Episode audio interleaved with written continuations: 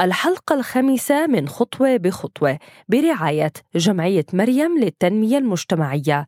تقدم جمعية مريم للتنمية المجتمعية العديد من البرامج التنموية للمجتمع المقدسي ومنها برامج الإرشاد النفسي والاجتماعي والسلوكي، برامج الطفولة المبكرة، برامج مساندة وتمكين المرأة، برامج موجهة للأطفال من ذوي الاحتياجات الخاصة، وأخيرا برامج التنمية البشرية.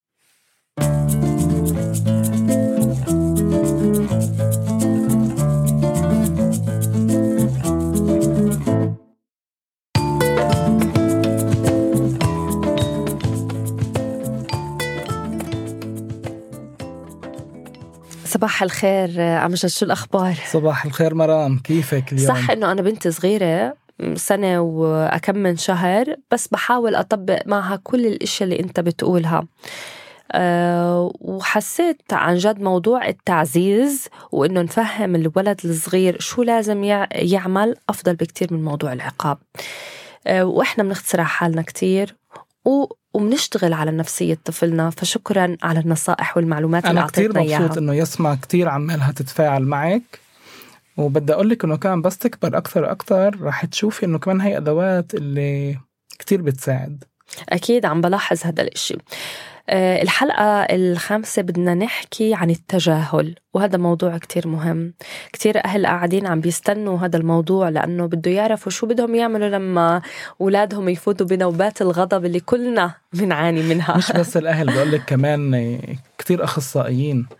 إيه، تجاهل لعب على فكرة مرام. إيه، في كتير محلات إيه، كمان مخطئين بيستخدموا التجاهل من غير ما يكونوا شوي هيك بانينه بطريقة صح.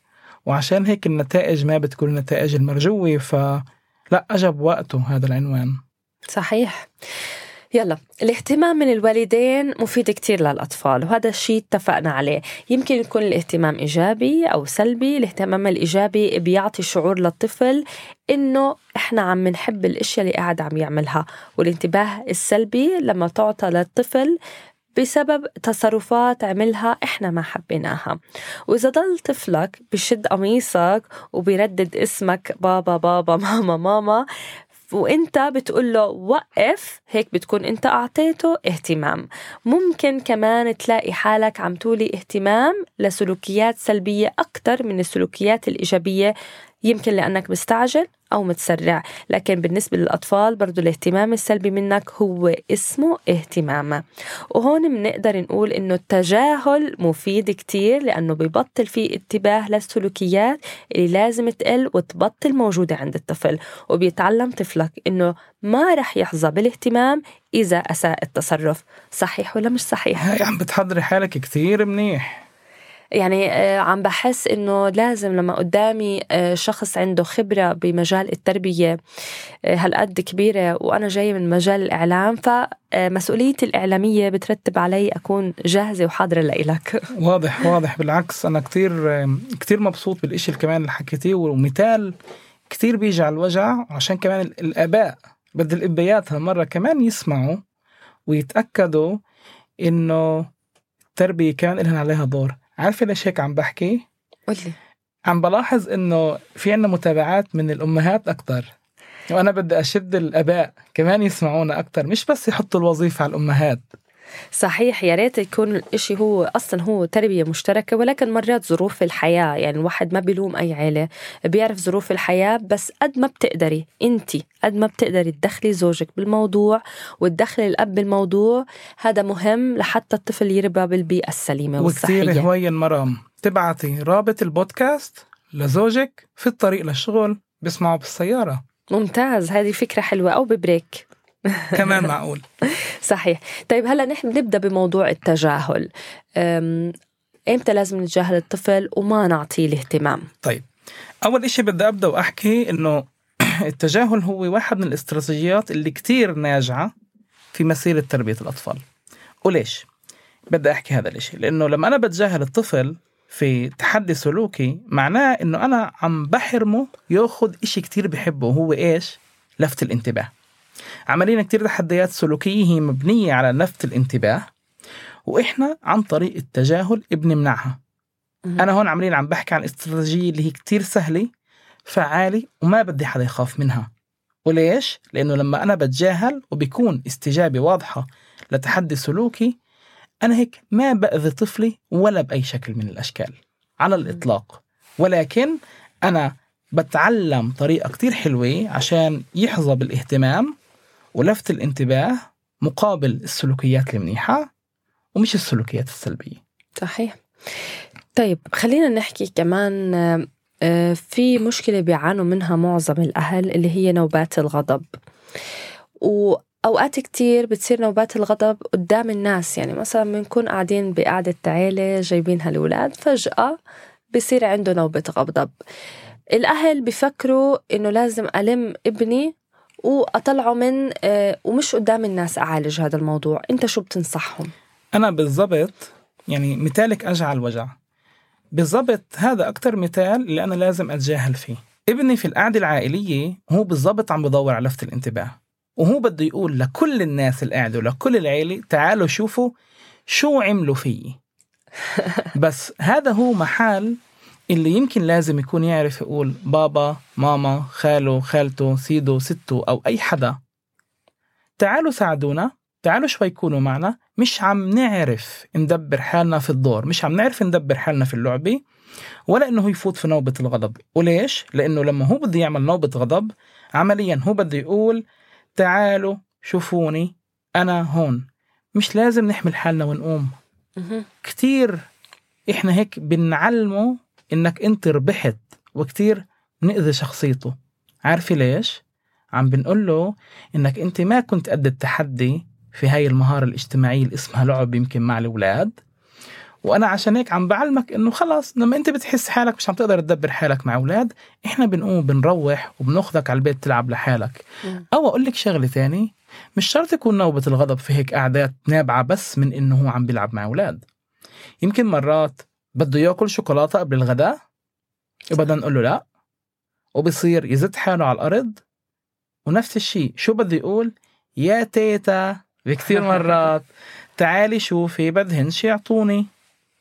فعشان هيك لازم نتجاهل وهذا اسمه تجاهل مخطط. طيب للي سمعونا هلا أو للي سمعونا جديد ببرنامج خطوة بخطوة و... وما كانوا يعرفوا بموضوع التجاهل. صارت نوبات غضب مع أولادهم ما كانوا يتجاهلوا. الولد كبر صار عمره أربع سنين. وعنده لسه نوبات غضب. بيقدروا من جديد يطبقوا موضوع التجاهل ولا الموضوع بده يكون أصعب؟ بيقدروا يطبقوه رح يكون الاستجابة أصعب لأنه صار له كذا سنة متعود إنه هو يستعمله. ولكن إذا هن بيتبعوا الخطوات اللي لسه بدي أحكي عنها وبيكونوا مقررينه مع اتفاق. أنت في الحلقة السابقة قلت لي قديش لازم يكون توافق بين الأب والأم. صحيح. أنا هون كمان بدي أقول لك إنه في الجامعات الكبيرة مش بس بين الأب والأم. بين العم والعم الخال والخالي السيد والست ما حدا يتدخل. لما الأب والأم هن اللي عمال هن يربوا إذا هن اللي عمال هن يربوا. وإذا في وضعيات يلي السيد أو الست هن اللي عم بتدخلوا أنا كمان بدي أقول للأب والأم ما ما يحكوا. لما في بالغ عماله يحكي مع الأولاد هذا هو البالغ الوحيد اللي بيحكي. وأكيد لو كان الست أو الست أو العم أو العمة لما في واحد بيحكي فقط شخص واحد. خلص في شخص عم بيحكي ما مش غلط إنه إحنا نيجي نعطي إيه، إيه، رسالة مزدوجة للأولاد. هن هيك بصيروا بدهن. يطلعوا من هون وبصيروا يفكروا أكثر كيف بدنا نتحداك وكيف بدناش نلزم معك. أعطينا الخطوات طيب أول إشي وأهم إشي مرام أمان الطفل وأمان الأطفال. عشان هيك لما بدنا نبدأ نتجاهل وخصوصا نوبات الغضب أو أي إشي تاني تأكدوا إنه هو في محيط آمن. يعني مش إنه هو بيكون ذات حاله على الأرض وحده طاولة وحده إشي أزاز وهو بيروح بضرب حاله وبيأذي حاله. لا أمان الأولاد بكتير أهم من التربية. امانهن بكتير أهم من التربية. بعد هيك بعد ما أنا بتأكد إنه البيئة كتير آمنة أول إشي لازم نعمله لما هو بفوت في نوبه غضب نتجنب التواصل البصري مع الطفل وما بنطلع فيه. تاني إشي ما بنمسك الطفل وبنبعد عنه قدر الإمكان. ليش؟ لأنه أي لمسة هي معناها لفت انتباه. الإشي الثالث مرام نحافظ على تعابير وجه محايدة وما بتتفاعل معه. كثير مرات بنصير نضحك أو كثير مرات بنصير نفرج اللي عم نخبي وجهنا. لا تعابير وجه محايدة. ما في تعابير. الإشي الرابع المهم إنه أنا ما بحكيش مع الطفل ولا برد على توجهاته بأي شكل من الأشكال. حكيتي لي في الأول تفضل يقولوا بابا بابا ماما ماما. ما برد عليه لحد ما هو يهدى ويسكت. وأهم إشي لازم يكون تجاهل واضح صريح مفاجئ ومباغت للطفل ومبالغ فيه عشان يفهم إنه أنا قاصد. عشان هيك بعرفش إذا كثير مرات آه، آه، مرات كثير ريهام بتقول لي بس جودي فوت ينام جود عم بنادي عليك. ليه مش عم تسمع بقولها أنا خصوصي عم بتجاهله. لازم ينام هو طلع على تخته لازم ينام المناداة اللي عم بيعملها. إذا أنا بدي أرد عليه هو عماله يزيد وقت النوم وهذا معناه أنا موافق إنه يعود يطلع من أوضته ويحكي معي كمان وكمان. حكينا بما فيه الكفاية قبل وقت النوم هذا إشي بكفي. وبدنا كمان نتذكر كم مرة إنه في حالات اللي بتصرف فيها الطفل بطريقة اللي ممكن تشكل عليه خطر أو على الآخرين نتذكر إنه ما بنتجاهل ما بنتجاهل. شو بنعمل مثل هاي الحالات؟ شو بنعمل؟ بدي أعطيكي مثال كتير حلو. في مرات أولاد بوصل فيهم نوبات الغضب إنهم ممكن يركضوا على الشارع. صحيح. أو يعرضوا حياتنا للخطر. هدول ما بنتجاهل هذا السلوك ولا بنتجاهل الولد. لا. إحنا هون أو متأسف ما بنتجاهل الطفل بنتجاهل السلوك. بس كيف؟ بنلحقه بنحميه بنجيبه ولكن وإحنا جايبينه ما بنطلع بوجهه. بنلحقه بنرجعه وإحنا مرجعينه ما بنحكي معاه ما بنطلع بوجهه ما بنكافئه على هذا الإشي علشان هو يفهم حاله إنه إحنا قصدنا نتجاهل هذا السلوك. وفي كمان مثال. أعطينا كمان مثال. الولاد اللي بتسألي كتير أسئلة. هي بضلها نفس السؤال نفس السؤال نفس السؤال بعيد حاله. هذا لازم نتجاهله؟ آه. إذا إحنا يعني إسا قاعدين على الطاولة وقالنا مثلا وين وقت الغداء؟ وإحنا جاوبناه. تتخلص ما طبخ وانت وقت الغداء؟ وانت وقت الغداء؟ وانت وقت الغداء؟ أكيد لا. بس هون شو بقدر أعمل؟ بقدر أجي أقول له أتجاهل هذا السؤال أقول له جود شو رأيك نحضر الطاولة؟ عشان هو يبدأ يلتهي بأشياء تاني ويوقف عن نفس سؤال نفس السؤال.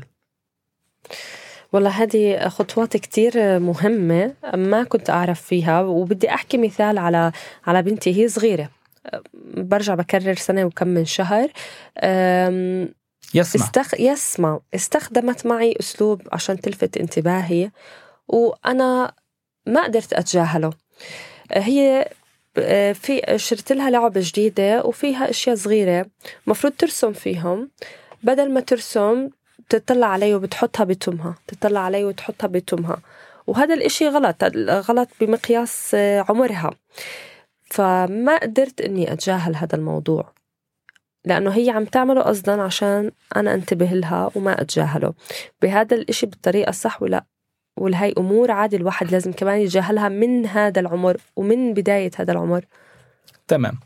هلا هون مثالك إنه هي يمكن عم بتناديك تلعبي معها بس هي عم بتناديك بطريقة غلط. بس أنا هون بدي أجي أقول لك نقطتين. يمكن أنت هون فوتت اللعبة في وقت اللي هو مش ما كانش كتير مناسب لإلها وهون عشانك بدنا نسميها ملاحة والدية اليوم بدي أسميها أنا ملاحة مرام. لازم مرام تعرف وين تحط اللعبة ليسمع اللي بحاجة لإلها إنه هي تلعب معها فيها وانت تحط ألعاب تاني. إحنا لهون وصلنا لختام الحلقة. يمكن حلو كمان بحلقات جاية نخصص في وقت انشغال الوالدين إيش في أمور تانية بيقدروا يعملوها. أكيد مرة. هذا الشيء كتير مهم. أكيد أكيد. أكيد. يعني يمكن مرة تانية على التجاهل يساعدك التجاهل بأنك تقلل سلوك سيء عند طفلك وتتذكر أنه الأطفال بيحبوا الاهتمام لو شو ما كان الانتباه السلبي مثل الصراخ يمكن أنه يكون مجزي للطفل بس أكيد مش صحي. ممكن مجزي لتسكيت الطفل ولكن مش صحي ورح يأثر عليه. خاصة إذا كنت بتولي اهتمام لطفلك قبل إنه ما يبلش هذا السلوك السيء. من خلال منح طفلك الاهتمام أثناء نوبات الغضب ممكن تكافئ السلوك عن طريق الخطأ وتزيد من فرصة حدوثه مرة أخرى. لما تتجاهل بعض السلوكيات والتحديات السلوكية يمكن تقلل احتمال قيام طفلك بسلوك مرة تانية. وهيك الحياة بتصير سعيدة أكتر مع العيلة. شكرا لمتابعتكم.